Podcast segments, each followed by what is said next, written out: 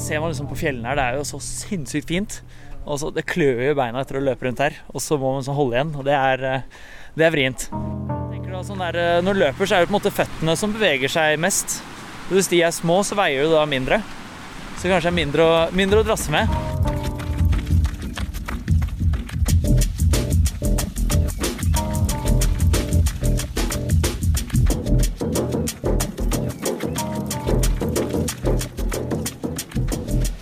Der, folkens, det der var en liten smakebit fra det dere kan forvente å høre i dagens episode.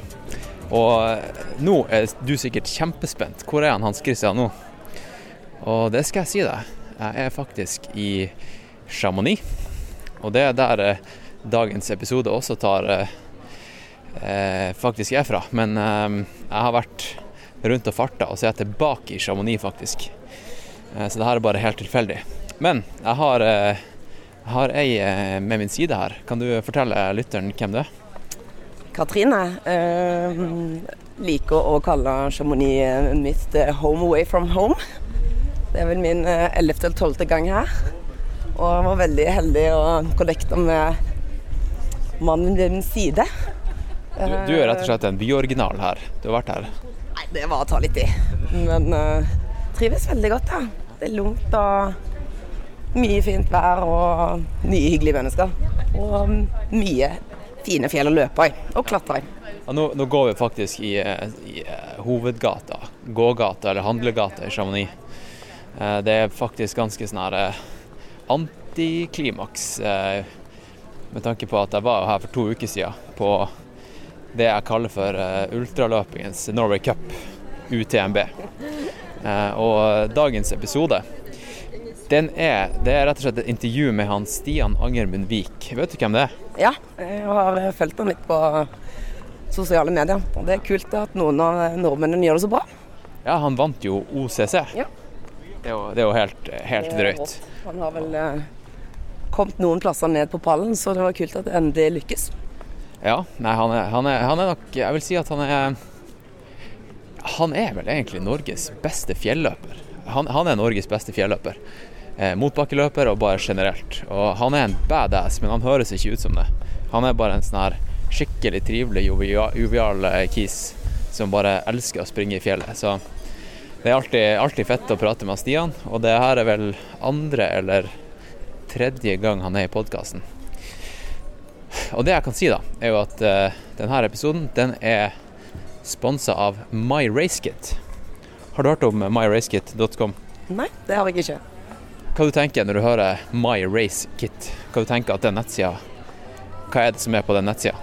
Jeg tenker at det består av en sånn liten pakke med små duppedingser som veier lite, som du trenger på et ultraløp f.eks.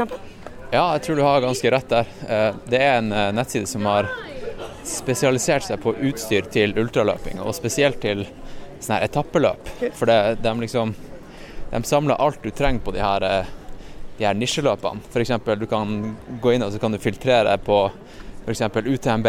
Og så er det bare en liste med alt du trenger til UTMB, og her er utstyret. Her kan du kjøpe det. Det er jo ganske handy, da. Det er veldig greit, fordi det er mer enn ett løp jeg har løpt på der jeg har virkelig slitt med å finne fram til uh, listene. Og det har ikke nødvendigvis vært overensstemmelse på selv nettsidens lister. Så det er veldig kult at de klarer å samle det. Ikke sant. Og så er det også sånn her eh, Alle de minste altså sånn her for folk som elsker å jakte på gram, ja. eh, det er nettsida for dere. Fordi de eh, har, du, har, du, tenkt å liksom dra på en fjelltur f.eks., så er også MyRaceKit et bra sted. For du kan liksom finne sånne her minitannbørster og mini-alt, bare for å spare på, på, på gram. da. Så, um, og MyRaceKit var faktisk med å sponse UTMR, som var det racet jeg gjorde forrige uke. Så de var en av hovedsponsorene. Så um, My Race Kit, altså. Tusen takk. Det høres veldig kult ut. Det skal jeg sjekke ut neste gang jeg skal løpe. Ja. Uh, skal vi se. Den podkasten her, den er jo drevet av uh, Ja, nå var det jo My Race Kit. De var med å sponse denne episoden her.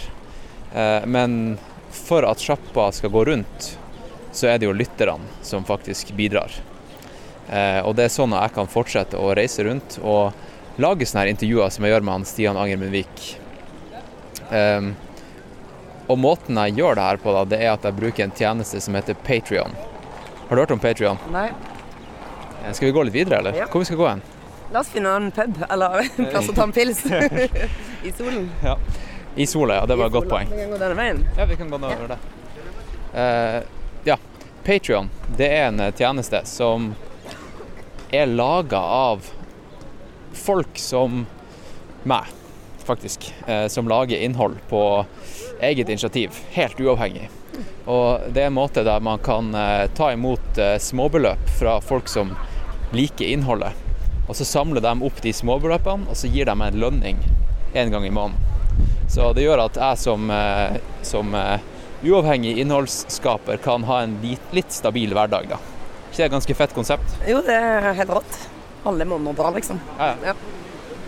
Og det fete, eller noe som jeg gjorde i forbindelse med forrige episode, det var at jeg lagde en sånn her pakke som du kan signe deg opp på, som eh, jeg kalte for Honnold Foundation. Har du hørt om dem? Nei, ikke den heller. Har du hørt om han, eh, har du hørt om han Alex Honnold? Ja, ja, selvfølgelig. Ja. ja. Han har en, eh, en veldedighetsorganisasjon som heter Honnold Foundation. Ja. Og eh, et av tiltakene der, da, det er noe som heter Solar Aid. Har du hørt om det? Nei. Og det er, det, det er ganske fett, fordi det de gjør, da, de hjelper familier i litt sånne fjerne strøk i Afrika, som bor ofte i sånne jordhytter og stråhytter. Og vanligvis så fyrer de opp, eller lyser de opp innvendig med parafinlampe. Og det, de, det Solar Aid prøver å fikse, da, det er å bytte ut parafinlampen med eh, soldrevne, altså eh, hva det heter Solcelle- sol, solcellepanel Ja. eh, drevne eh, lamper. Eh, og, det, og det gjør ikke bare at det får ned eh, brannfaren i huset, for det er jo veldig lett antennelig hus. Eh, det får også ned bruken av parafin, eh, som også er bra eh, for jordkloden og for luftkvaliteten inne i eh, husene. Eh, som også er bra for helsa da, for de her folkene. Og, eh, men det gjør også at de får faktisk eh, lys lengre utpå kvelden enn de ellers ville gjort. Noe som gjør at kidsene kan f.eks. lese lekser mer. F.eks. to-tre timer ekstra på kvelden. Og hovedprinsippet bak det her da, er at for å fikse problemene som vi står overfor de neste tiårene, eh, så er det faktisk neste generasjon som må fikse det. Og da er det å investere i neste generasjon og hjelpe dem med leksen, f.eks. Så jeg syns det her er det her er det mest ultimate tiltaket man kan gjøre. Er du, er du enig, eller? Ja, det høres ut som sånn Ja, det er jo i vinden, og det er ja, bærekraftig utvikling. Altså bidra til eh, ja, øke kunnskapsnivået. Og, og sol har det jo dessverre nok av. Ja, ikke sant, men det, sola går jo ned, Ja, så det blir jo mørkt veldig. Ja, På dagen. Altså sånn Solcellepanel funker jo ikke like bra i hele verden. Men eh, ja, genialt. Så forrige episode da, så, så donerte jo Scott et par løpesko til den første som signa seg opp på denne pakka. Jeg har ikke gjort noen avtale med noen for denne episoden, men jeg, nå ber jeg faktisk, hvis det er noen som jobber der ute i bransjen, og som har lyst til å, eller en eller annen bransje, som har lyst til å bidra til eh, å donere spenn til denne organisasjonen og til eh, produksjonen av podkasten, så eh, ta kontakt med meg. Gå inn på patreon.com slash alvorpodkast, og så ser du hvordan du kan bidra. Og når det er sagt, så tror jeg egentlig bare vi starter dagens episode. Ja. Ja. Si noe, da. Jeg koser dere med intervjuet med Stian. Jeg gleder meg til å høre det selv. Jeg også. Eh, over og ut, Roger og Knut. Hello, this is another one. Another one, baby. Welcome to Now Is It Alvor uh, with Hans Christian and friends. We're going to be the best podcast that you ever did hear, and we're going to thrill you, we're going to teach you, we're going to entertain you. Like Britney Spears once said, there are those of us who observe and those of us who are e- here to entertain. And we're here to entertain you, bitch.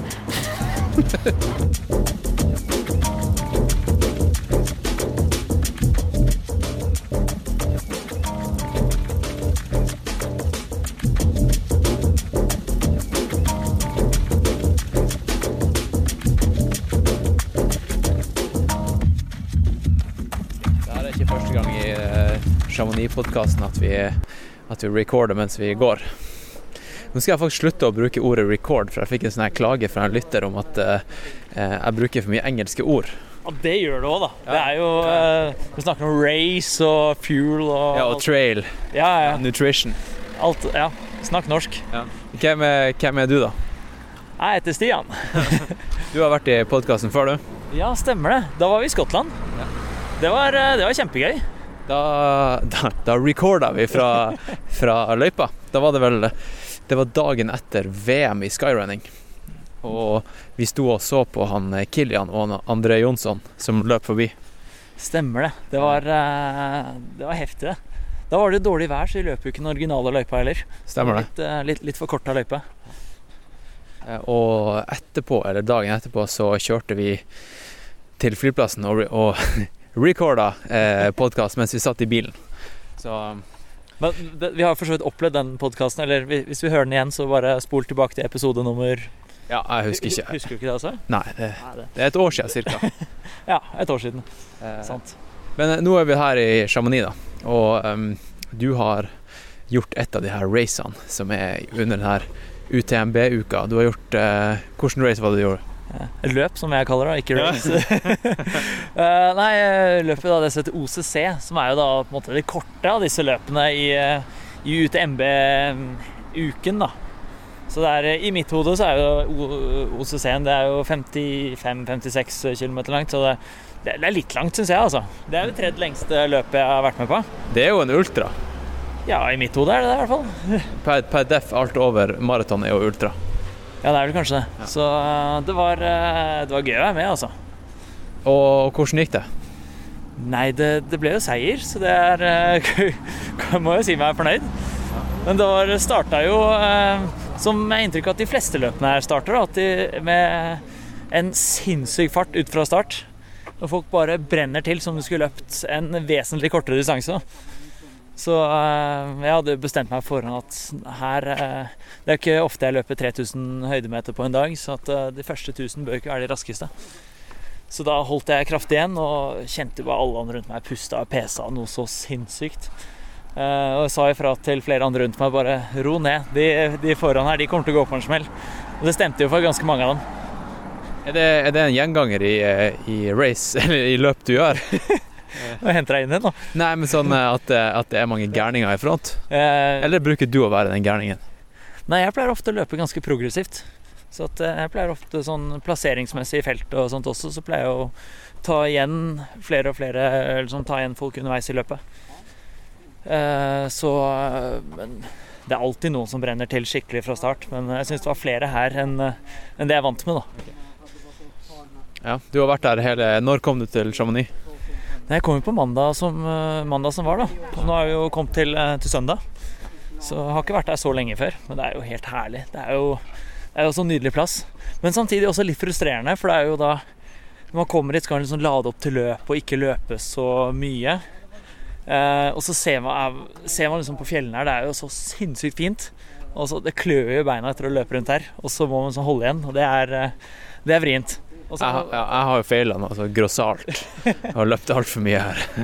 Ja, men hvis du da klarer å eh, skjerpe deg skikkelig nå de siste eh, dagene og ikke, Jeg har to dager på meg å roe ned. Ja, ikke gjør sånn som du gjorde i dag. Jeg spurte deg sånn, skal vi ta en liten tur, og så bare Eller løpe en liten tur. Du sa ja, kanskje skal ha en liten sånn shakeout, som du kaller det. Ja. Restitusjonstur, som jeg kaller det. Ehm, og så um, løp vel i jeg løp i nesten to timer eller noe. Ja. ja. Det var jo en liten bommert, da. Men det var en fin tur, da. Vi løper med han eh, Petter som eh, går foran oss her, som er svensk. Ja. Og eh, jeg sa vi skulle ta en liten rolig tur, så jeg mistenker at han, han tok, tok det som en Det var en oversettelsesfeil der. At han tenkte at det skulle være en morsom tur. Det er godt mulig at det var. Det var jo en litt morsom tur òg. Ja, det var oppå en veldig fin utsikt over en isbre. Ja. Uh, ja. Husker du hva han heter da? Nei, jeg husker ikke det. Merdegles. Det var en sånn isbre som eh, Når du ser bildene her, så var jo den vanvittig mye høyere før i tiden. da Nå er det jo bare en liten sånn Den ser jo ikke så fin ut nå. Vet du om det er pga. de her eh, Altså, selvfølgelig er det pga. global oppvarming, men er det liksom Er det noe drastisk pga. denne globale oppvarminga, eller var det liksom Har det vært en sånn naturlig greie? Altså, er det, er det horribelt nå, liksom? Eh, Jeg hørte i hvert fall jeg var her i løpet av det arrangementet etter Maraton Mont Blanc her i eh, månedsskiftet juni-juli. Og Da var det jo ganske varmt her, og da sa de at Mer de Glace og kanskje flere andre berere her også, de sank med rundt 3 cm om dagen.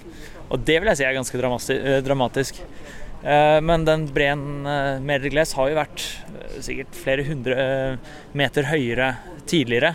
Og det tror jeg er en sånn eh, noe som har skjedd over temmelig lang tid. da. Så jeg er ikke sikker at det er den menneskeskapte globale oppvarmingen. Har du eh, gått rundt i gaten her og vært kjendis? Er det mange selfier som har blitt tatt? Det har faktisk vært et par sånne eh, Folk skal bort og eh, ja, ha selfies og autografer og, sånt. Det er, det er litt rart. Har, har du hørt om podkasten Fight Night Oslo?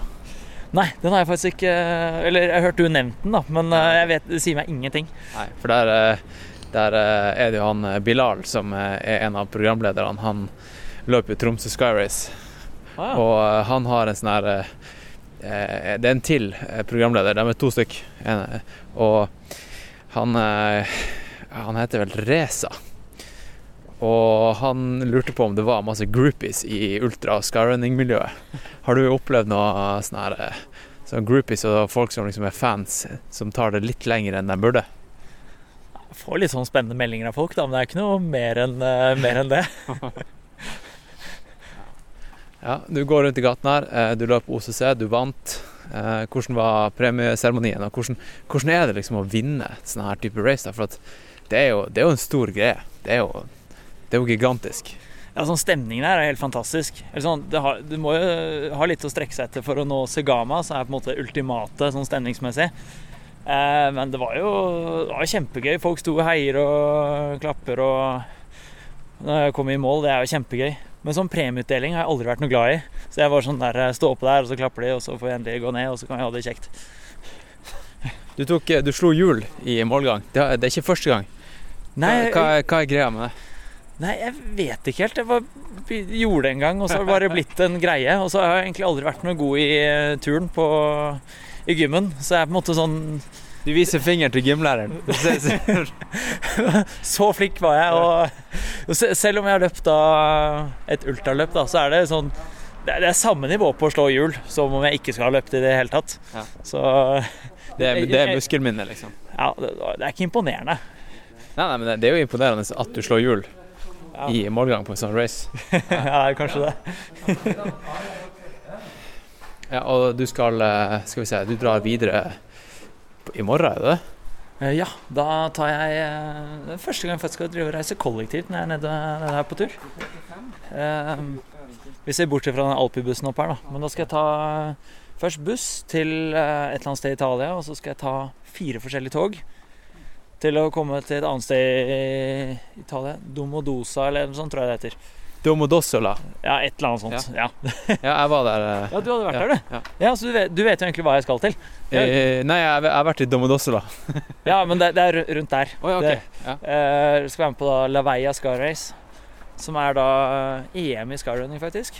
Eh, og så er det Lurer på om det er med den spanske Golden Trail Seriesen. Eh, så det tror jeg blir gøy. Og det er et Sky Race og Golden Trail Series. Ja. Men det, da er det ikke en del av Skyrunner World Series. Eh, nei, men det har jo vært løp som har vært det også, uh, tidligere. For i fjor så var jo Segama en del av verdensserien i skyrunning, og så var det også en del av Golden Trail Series. Ja. Så Det er så forvirrende det er. Det er, my, det, er, det er så mye cuper og mye greier. Så man må bare finne det som er gøy. ja. Hvis du ikke hadde vært eh, Salomon-utøver, hadde du plukka litt sånn eh, med fritt eh, rundt da, eller? Det, det, er jo, det er jo litt sånn eh, Man er jo litt bundet til å, til å gjøre de her Golden Trail, Trail Series, da.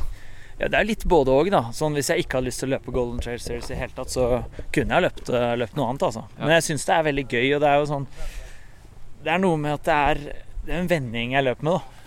Så det er jo like gøy. Også da å kunne stå på startstreken med Kilian også er jo litt sånn Det er litt stort, da. Ja. Og han eh, løper jo greit, så Ja, han er flink, han der. Hva du kalte han? Ki- Ja, Kilian det er en sånn spanjol som har faktisk flytta til Norge. Bor oppe i, oppe i Romsdalen. Han, eh, han Sindre Burås, han, Ja. eh, han driver jo og har noen skumle planer, har jeg hørt. Han driver og dunker kilometer på kilometer og høydemeter i eh, Nordmarka for tida. Eh, hva du tenker om eh, hvis han hadde gjort et lite comeback og satser på terrengløping og fjelløping? Jeg hørte det nevnte det at han eh, begynte å trene litt for eh, terrengløp. Eh, nevnte da jeg møtte deg her på var det mandag? Tirsdag? Ja. jeg syns det er kjempekult ut, jeg. Han har jo talent for løping, så at hvis han klarer å få stokka beina i litt ulendt terreng, så tror jeg det kan bli veldig bra. Ja, det hadde vært sykt fett med en utfordrer, da. En, Ja, ja. Det er litt sånn, det er litt sånn Jeg liker den mystikken om at det er en sånn her eh, type sånn Rocky-skikkelse som trener eh, alene opp, i, i skauen, og så kanskje han eh, kommer til ett race og bare Kanskje han gjør det bra, kanskje han ikke gjør det bra. Det blir ganske spennende. Er du som er trener nå, eller? Nei, eh, jeg er ikke trener, men eh, han er jo trener for veldig mange, tror jeg. Ja, Så ok. han, er- han er veldig kul eh, når det kommer til å skape et eh, miljø og engasjement. Så han arrangerer liksom intervalløkter, eh, felles greier, da, og, og trener masse folk. Så Ja. det, det er dødskult. Han er ikke en sånn loner som eh, ja, holder på alene. Ja, jeg skjønner. Men det virker som det er ganske bra løpemiljø i Oslo, da. Oslo begynner å bli et sånn skikkelig sti... Ja, altså Eldorado når det kommer til eh, Ja, det, det er jo på en måte ikke på papiret det beste stedet med tanke på å bli en bra fjelløper, men menneskene Ja, det, det har mye å si. Altså. Jeg vil jo si at måte, Bergen har vært måte, motbakkeløperhovedstaden i Norge i en haug år. Eh, mens kanskje Oslo er mer ultraløperhovedstaden. Ja. Ja. At, eh, at de har fordelt det på den måten. Ja. Selv om det er selvfølgelig gode motbakkeløpere og ultraløpere overalt. Men det er på en måte samlingen av dem. Ja, det er jo, det er jo miljø. Altså, du ser jo f.eks. Ingebrigtsen-brødrene. Det er jo Det er jo den bobla de lever i, at de pusher hverandre. Det er det som er greia. Det er derfor de har blitt gode. Det er jo ikke der de bor som er grunnen. Nei, absolutt. Det er sånn der eh, I Bergen eller motbakkeløp så var det han Jon Tvedt som eh, døde vel i 2007-2008-2009. Jeg husker ikke helt. Det var på en måte litt han, tror jeg, som eh, var inspirasjonen til ganske mange av oss andre til å begynne med motbakkeløp. Ja. Og så er vi jo en god gjeng nå som pusher hverandre, og da, og da blir det jo flere også, og så blir jo nivået ganske bra. Mm. Eh, og sånn har det kanskje vært også litt med Jeg vet ikke hvem som begynte med ultraløping eh, i Oslo. Du har kanskje du har tatt litt ansvar der? Nei, jeg tror egentlig sånn i Oslo så er det jo han Didrik Hermansen. Han er Ja, jo eh, Han har på en måte vært en sånn skikkelse som bare har vært en ufattelig flink dude i Oslo. Ja. Men eh, jeg vil si at nå er det jo den hele Skyblazers-gjengen Ja, eh, som, eh, som virkelig pusher miljøet, da. ja, jeg fikk jo hilse på en del fra Skyblazer her nå på, på mandag. Det virker som en bra gjeng, det der. Ja, det er solid, ass. Det Det er, er, litt sånn, det er jo stilig at dere drar av gårde på tur, det var vel en 10-12 stykker eller noe. Ja. Og eh, hjelper hverandre, eller sånn, supporter hverandre på løp og eh, styrer på. Jeg syns det er kjempebra, altså. nå spiste vi jo middag med ei ganske flink dame. Ja, jeg vil si noe over middels eh, flink, altså. Det, det skal godt gjøres å komme inn på andreplass i UTMB. Ja, hun, hun gjorde for så vidt helt greit løp. hun uh, åpna jo ganske fornuftig. Hun lå jo ganske langt bak i feltet, så vidt jeg skjønte. Og så har hun bare løpt seg oppover. Og da vi så hun ved Valorsin, eh, så var det jo bare en stor solstråle. Ja, Som er liksom 20 km før mål. Da jeg vil si at har hun løpt i 150 km. Ja, så han løpte ganske mange timer. det, her er bare så syke distanser, vet du. Eh, nei, Hun så jo forbaska sprek ut, altså. Både hun og så hadde hun da en som heter Maite Majore, som var uh, kun tror jeg tolv minutter bak hun eh, på det punktet. Og hun så også ganske fresh ut. Ja. Så vi var jo veldig spent da på hvordan dette ville gå.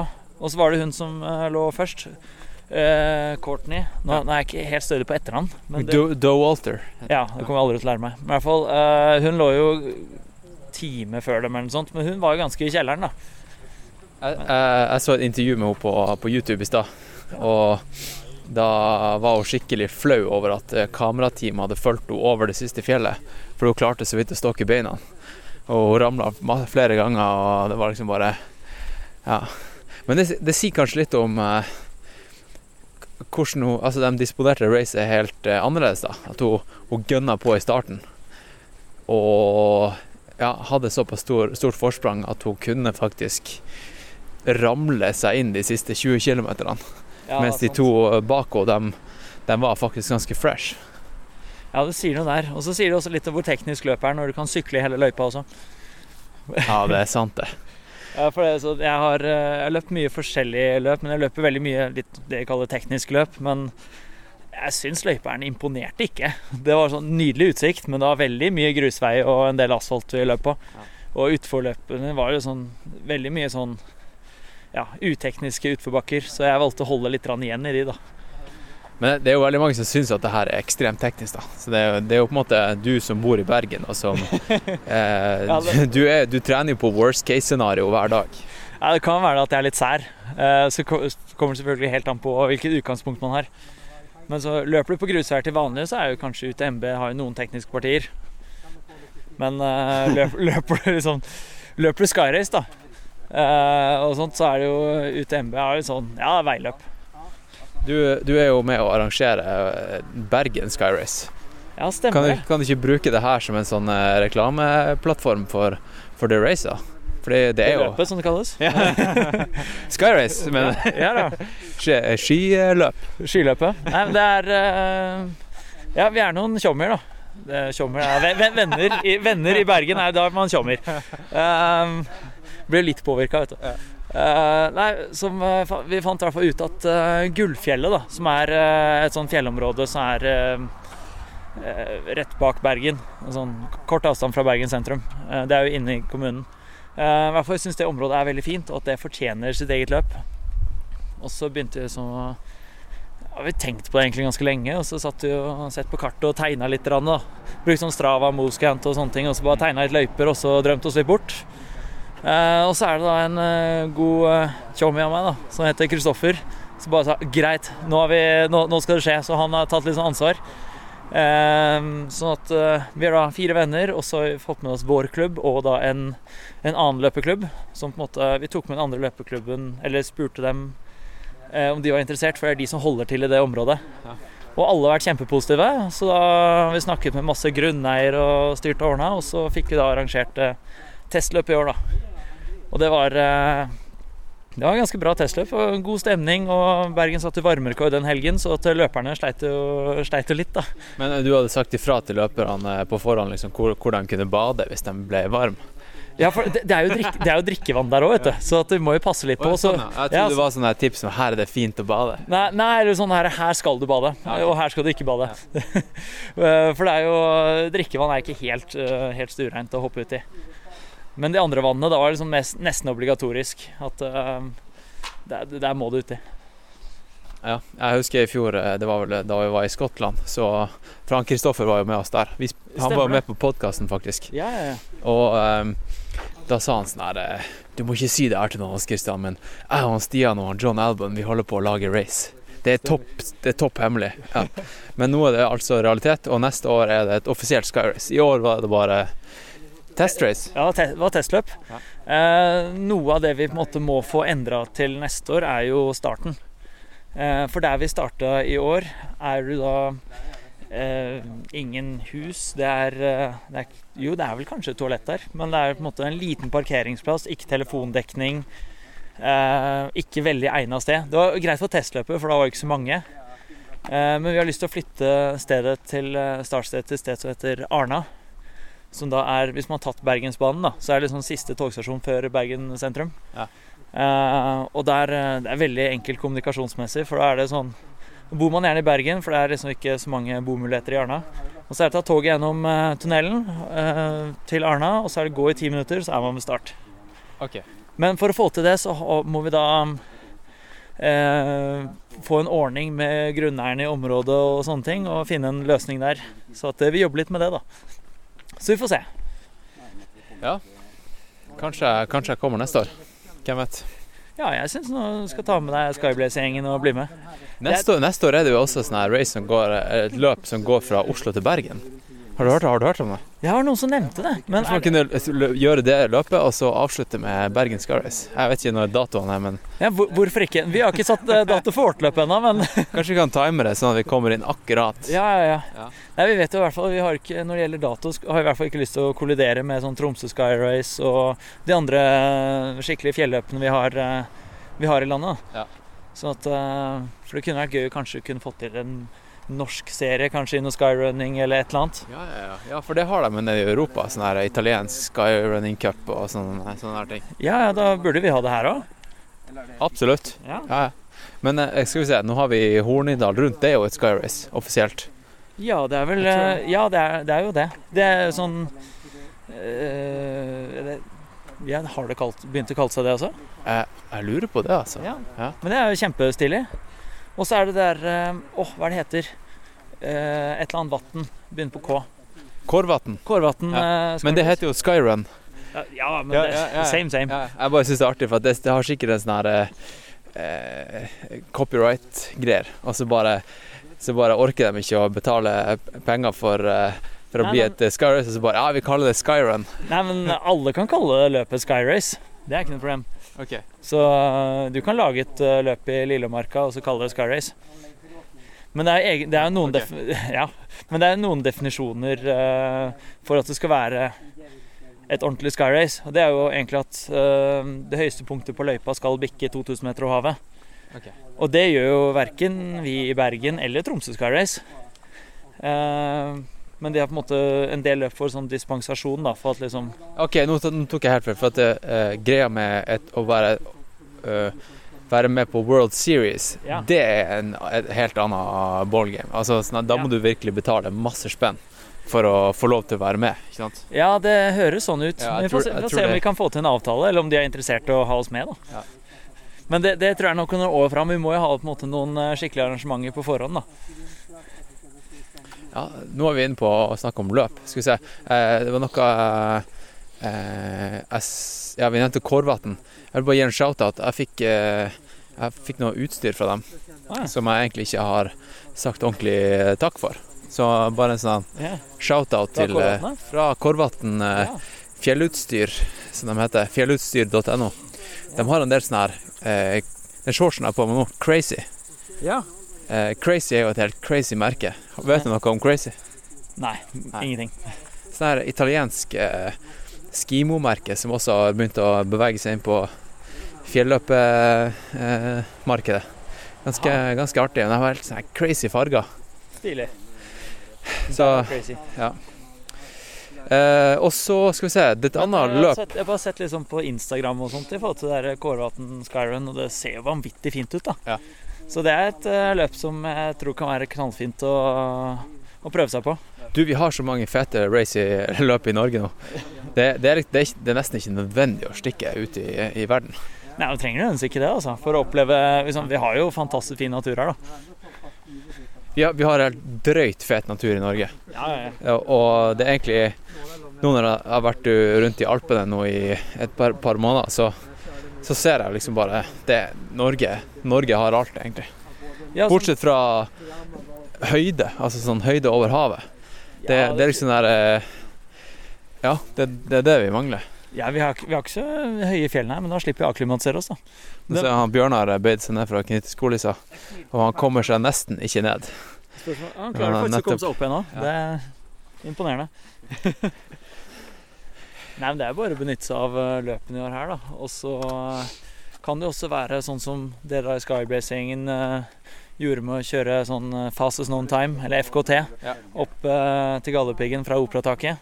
Og Det er jo en sånn nettside, er det ikke det? Som Jo, heter fastestknowntime.com. ja, altså, Jeg anbefaler folk å prøve å lage sine egne prosjekter og lage litt sånn der eh, Legge inn noen løyper der, da.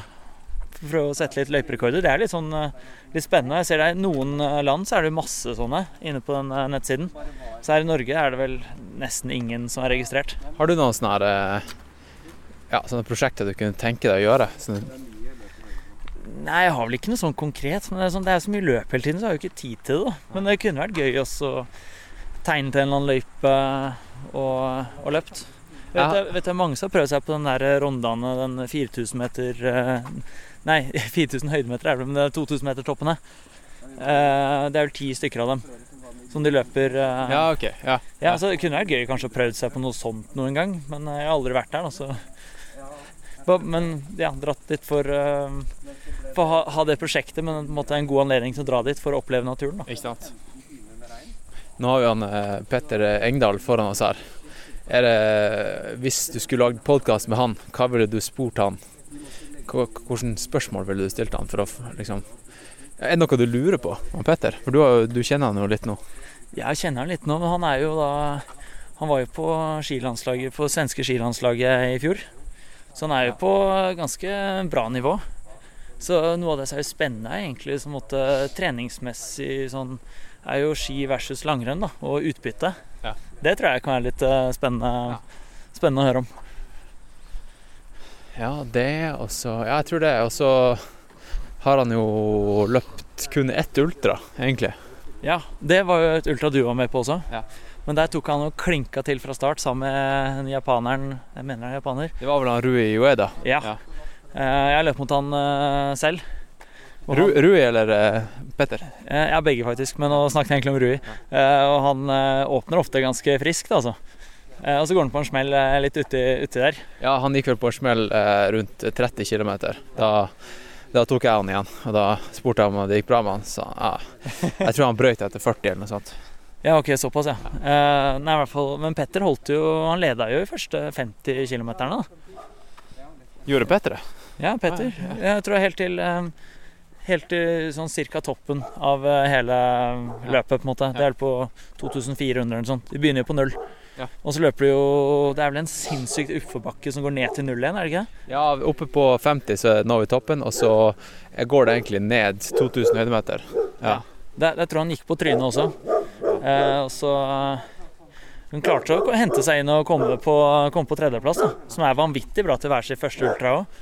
Ja, og Transvulkania er jo en av de her eh, De store racene som eh, Jeg fant ut det har liksom ikke sånn her lang historie. Det, har- det har blitt presentert for oss som at det er liksom en, av- en av klassikerne, Ja. men det er jo ikke det. Det er jo ganske nytt. Det er bare, jeg vet ikke hvorfor det har blitt stort. Nei, liksom, jeg tror på en måte at det har blitt en slags klassiker, for det er der europeerne og amerikanerne møtes. Ja. For sånn Amerikanske løp er ofte veldig lite tekniske, men europeiske er veldig tekniske. Og dette er en slags mellomting. Ja.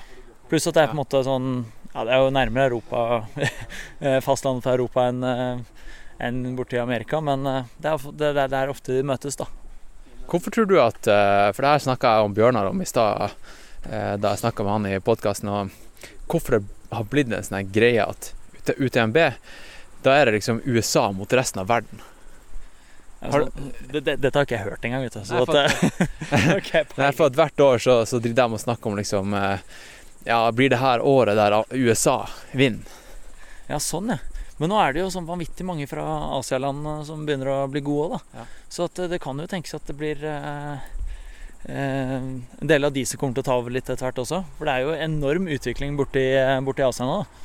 Jeg, jeg hørte at eh, grunnen til at det ikke er så mange som ja, fra Kina som, eh, som er her borte nå, er, eller generelt, er at de sliter med å få visum.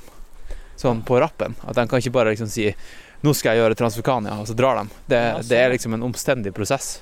Men samtidig vil jeg jo si at nå når jeg har stått og sett Bare og heiet litt på de som eh, løper inn i mål nå. Ja. eh, og det er vanvittig mange som er fra eller som, som ser asiatiske ut, da. Eh, eller vanvittig mange, i hvert fall en stor andel, da. Ja. Når man først legger merke til det. Og noe av det jeg syns egentlig var litt, litt morsomt her nå, var jo at eh, Eller interessant med det, da. eh, er jo da eh, på UTMB-en her. Så de første kom i mål etter var det rundt 20 timer. Ja, 20,5 20,5 var vinnertida i år. Ja. Og så er det jo siste på en måte mulige sånn cutoffen i mål, da, tror jeg sånn rundt 26,5 time. Og det er det siste Nei, Nei, nei, nei, 40, 48. 40, 48? Nei, det er 40 46,5, tror jeg. Ok.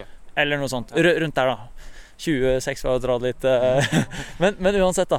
Det er jo sånn de siste 6-7-8 timene at nesten eh, sånn Mesteparten av folkene kommer i mål. Sånn, de er jo så nærme cutoffen, eh, de fleste av løperne. Ja. Det overraska meg litt.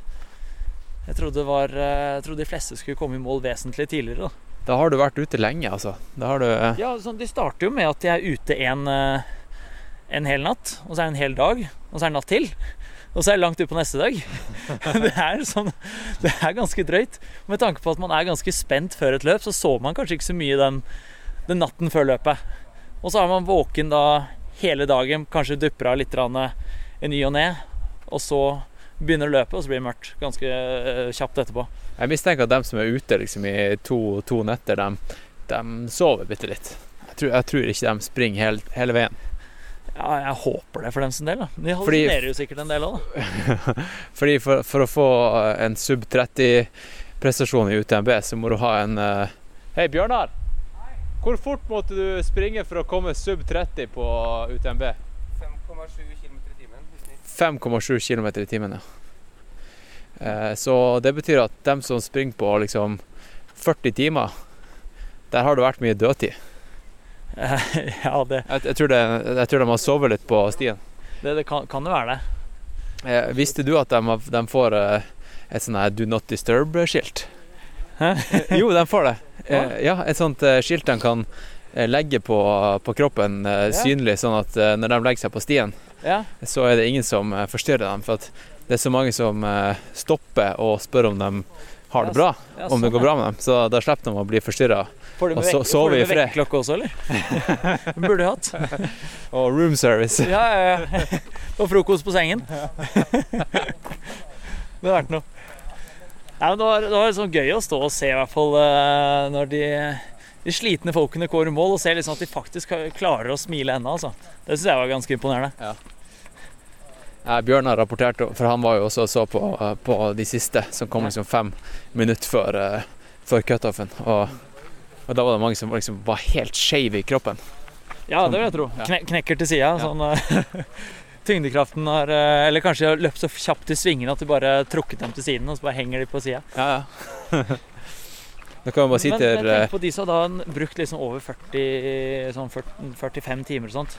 Har de da gått hele veien, eller har de løpt? Kanskje de starter Kanskje første 50 har de løpt, og så bare Ja, eller at de Går de løper det? fort det der første Jeg husker ikke hva det heter. det Første kilometeren er jo paddeflat. Første åtte eller noe. Ja. Eller ti. Men eh, det er eh, Jeg må si at jeg er ganske imponerende å klare å holde kroppen gående så lenge, altså.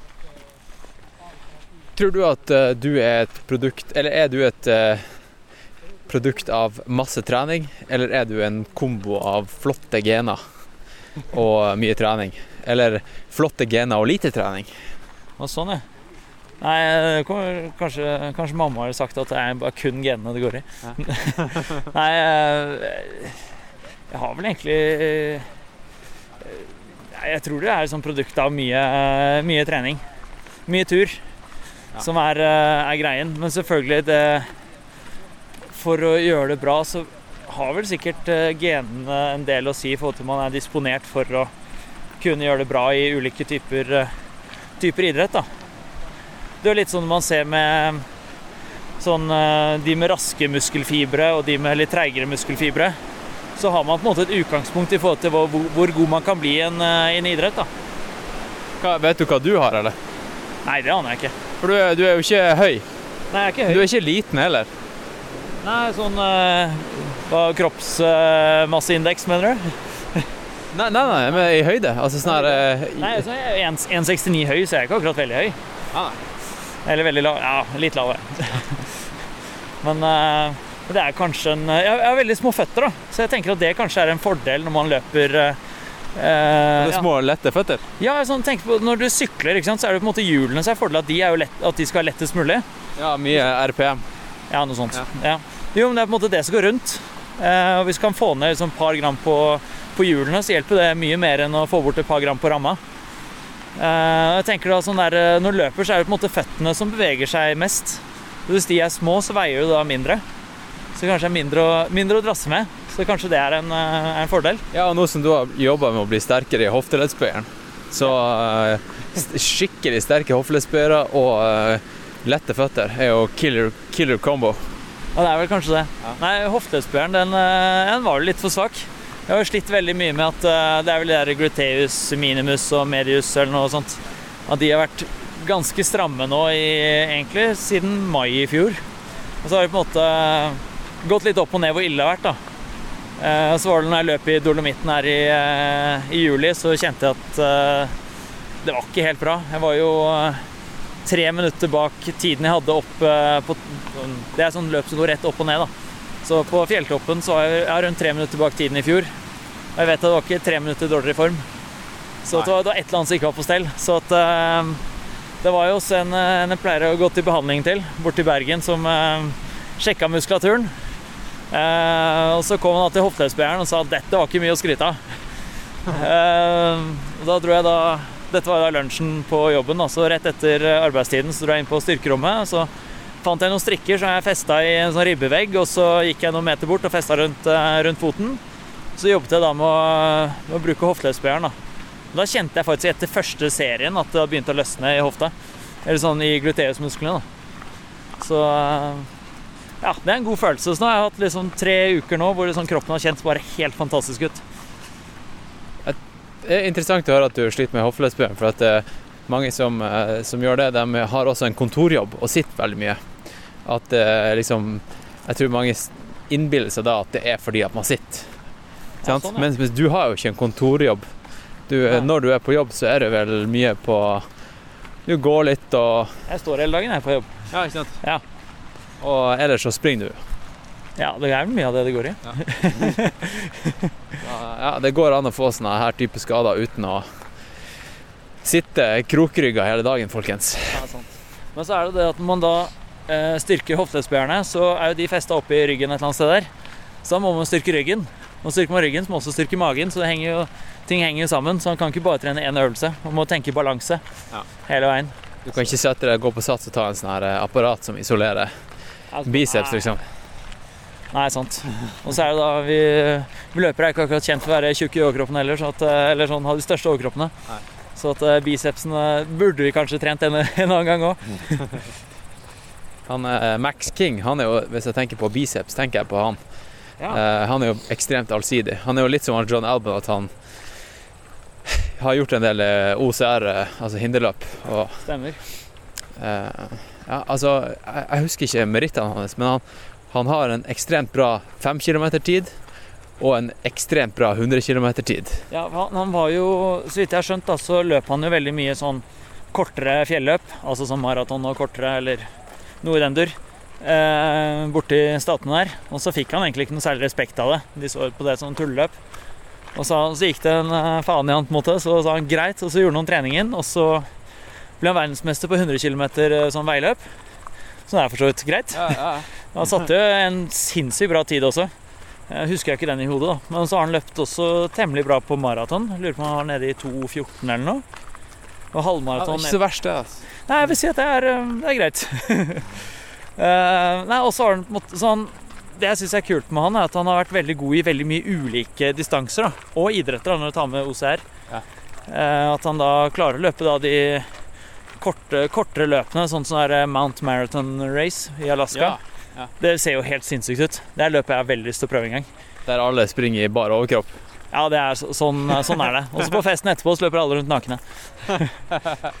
Men det er jo et løp som er eh, Jeg tror første og siste kilometeren er så å si flatt på vei. Og det er av de fem kilometerne løper til sammen, og så er det 1000 høydemeter opp og ned. Så du, det var en sånn her eh, video han Kilian la ut om eh, Forresten, han Kilian han, han hører på podkasten. Gjør han det? Ja, ja. da. Jeg, jeg, jeg, jeg snakka med ham på, på Twitter. Han, eh, han ba om podkasttips, for han skulle kjøre fra Åndalsnes ned til Frankrike. Ja, ja. Og så var det han, eh, han Sondre Amdal skrev, eh, skrev til han da Du må høre på Nå er det alvor. Og så, eh, så responderte Eller han lika den, og så, så sa jeg til han Kilian du, Den anbefales fordi ikke bare kan du følge med på hva som skjer i grasrota til norsk eh, terreng og fjelløp og sånn der, men du får øvd på norsken din. Ja, Så nå er han Kilian fan. ja, men han kan masse. Han skjønner mye norsk, han altså. Kanskje vi kan gi han noen treningstips og sånt òg, da. Ja, jobb med hofteleddsbøyeren, Kilian. Ja. Ja. Men eh, han la ut en sånn video på YouTube eh, om sånn her Jeg tror den heter et eller annet med Crazy Two Weeks. Så du den, eller? Ja, ok, Den har jeg faktisk ikke fått med meg. Ja, okay. Men han legger ut veldig mye spennende, spennende filmer, så. Ja. Da ta, men hva er det det går i? Nei, altså det var jo bare egentlig sånn her eh, en eller annen gang for et par år siden der han hadde ekstremt mye på agendaen på to uker. Eh, og da var liksom Mount Marathon en del av, av de to ukene. Eh, men hvis ikke du har sett den Jeg husker liksom ikke Nei. nøyaktig hva som var der. Men det har eh, jeg noe å glede meg til, altså. der har det, da kanskje jeg skal legge det i eh, shownotes. Der eh, hva for noe? Shownotes Jeg har liksom ikke Ja, noe sånn her er Fordi på, i, i podkasten så kan du I podkastappen, der er det jo alltid litt sånn tekst. Ja, under. Og der kan jeg også legge inn linker, ja. så da kan man klikke, klikke seg inn der. den, så skal jeg ta og sjekke, sjekke den ut da? Ja. Det høres bra ut. Nå skal vi dra Nå, er vi faktisk eh, snart framme. Han eh, Bjørnar har mot sin vilje nå gått fra sentrum av Chamonix til Airbnb-en de fire kilometerne med sine tunge UTMB-bein. Jeg vil si at det er eh, kjempeimponerende, altså. Han, han går jo faktisk ganske normalt. Det er ikke noe sånn der pingvingange, som jeg kaller det. da. Han er jo også en veldig sånn positiv kis. Han, Ja. han, eh, han eh, klager jo aldri. Nei, sant. Men nå skal vi straks, straks fyre opp eh, boblebadet. Kanskje det blir litt eh, podding fra, fra bob boblisen. Ja, det blir bra. Skal vi kanskje avslutte her, og så kommer vi oss eh, hopp, Hopper vi i eh, Hopper vi i spaen. Da snakkes vi. Vi, vi snakkes.